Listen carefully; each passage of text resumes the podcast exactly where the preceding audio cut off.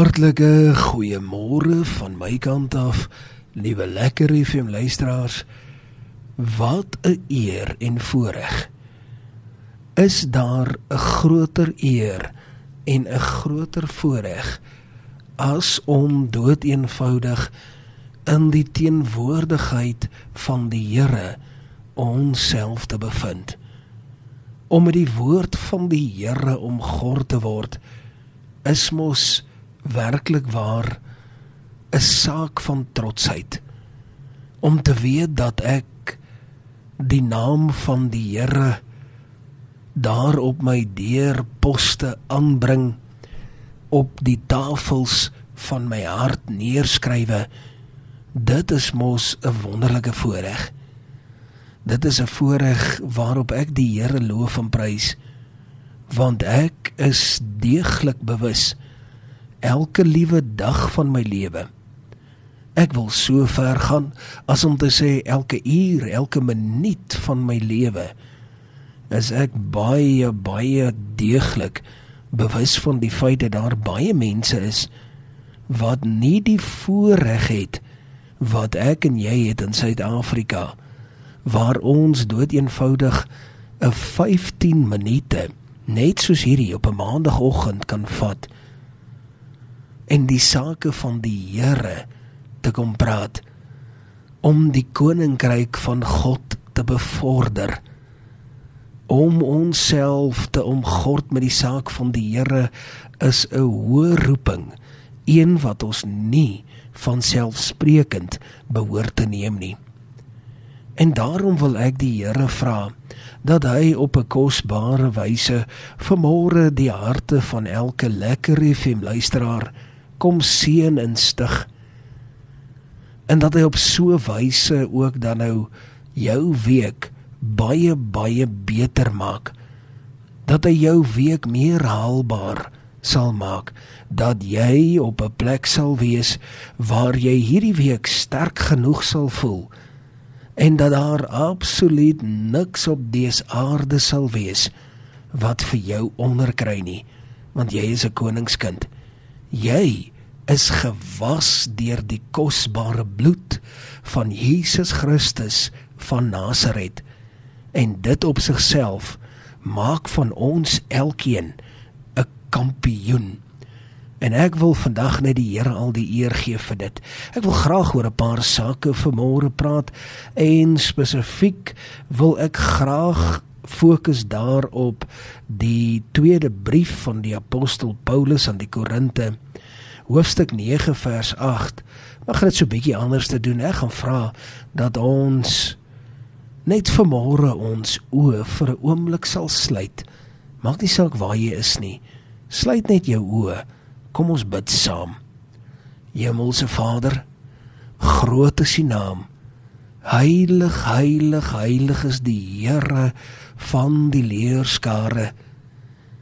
Die soetroos van Saron. Die blink môre ster. Die een wat alfa en omega genoem word Immanuel God met ons. Here ons eer u ons prys u.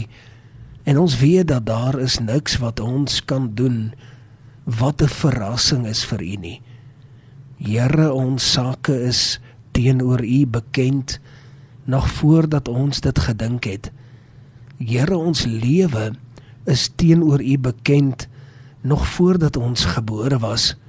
Dit is hoekom U almagtig, alwetend en alomteenwoordig genoem word. Here, U is waardig. Mag U dan nou ook al die eer ontvang vir wat ons vanmôre sal praat ook vanuit U woord in Jesus naam. Amen. En amen. So kosbaar, liewe lekker FM luisteraar. Baie maal as ek na die kontras kyk na wat ons as mens dink en wat die werklike waarheid is. Ek kry baie maal die idee ons hardloop heeltemal op hol. Daar is so baie oomblikke waar ons spreekwoordelik die kat aan die stert beet het waar ons vergeet met wie ons te maak het. Onthou jy het te maak met die God wat hemel en aarde geskaap het. Hy is jou hemelse Vader. Hy is jou hemelse Vader en jy is sy kind. En sy beloftes is heeltemal op 'n ander vlak as wat jy dink. Onthou die metodiek van die mens en die metodiek van die Here verskil hemelsbreed. En ek wil net so bietjie kyk na die kontras en sommer net so vir jou oorweging 'n paar gedagtes daaruit praat en spesifiek ook praat hier vanuit die tweede brief van die Korinte hoofstuk 9 vers 8 waar die Here aan my en aan jou 'n belofte maak waar hy sê hy is by magte en ek wil net op daardie spesifieke paar woorde vanmôre net so vir 'n oomblik stil staan. Hy is by magte, hy is wie hy is. Ons dink baie maal dat die Here is nie werklik uitverkoop vir ons nie. Ons dink baie maal dat ons nie by magte is nie. En in 'n baie groot manier is dit eintlik heeltemal waar want ons is nie by magte nie. Maar die Here is by magte. En wanneer ons verstaan dat ons niks hoef te doen om die saak te beredder nie dat die Here alles sal doen. Hoe vinnig gaan ons ook sien dat sake dood eenvoudig een na die ander in plek sal val. Ek ervaar hierdie jaar spesifiek so 'n geleentheid. En nou, liewe lekker FM vriend, moet jy verstaan, ek is ook al 24 jaar in die bediening.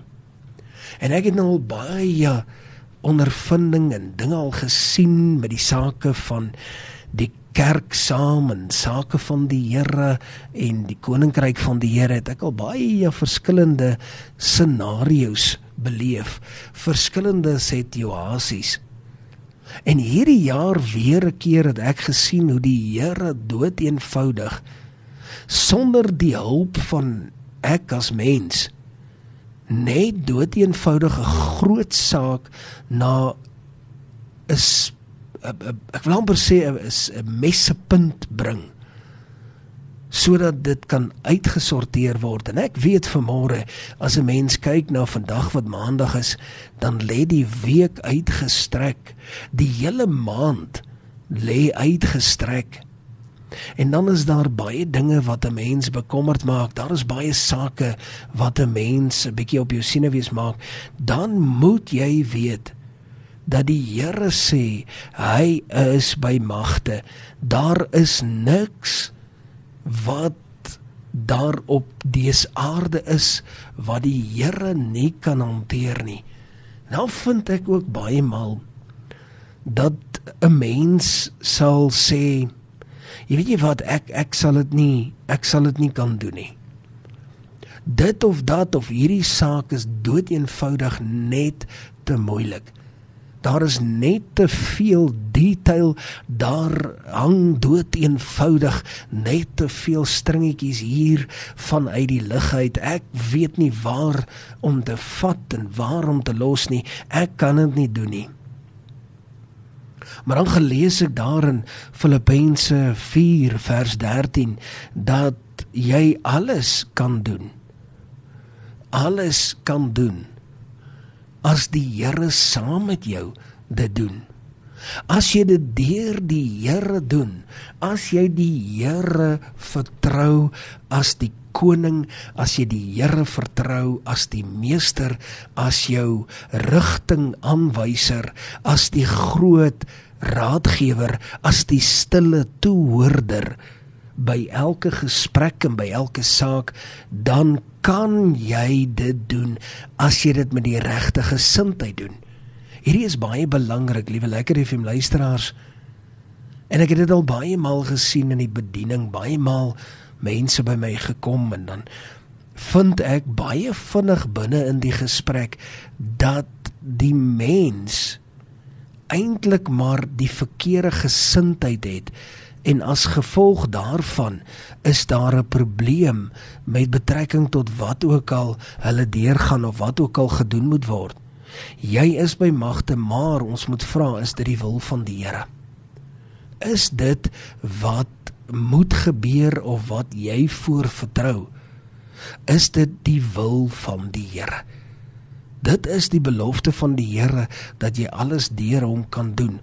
Maar maak dood seker dat dit wat jy deur hom wil doen, dat dit die koninkryk van die Here bou, dat dit die saak van die Here bevorder. Moenie toelaat dat sake jou lewe in besit neem wat in die eerste plek dood eenvoudig nie die saak van die Here bevorder nie. Dit is iets wat ek al baie maal gesien het.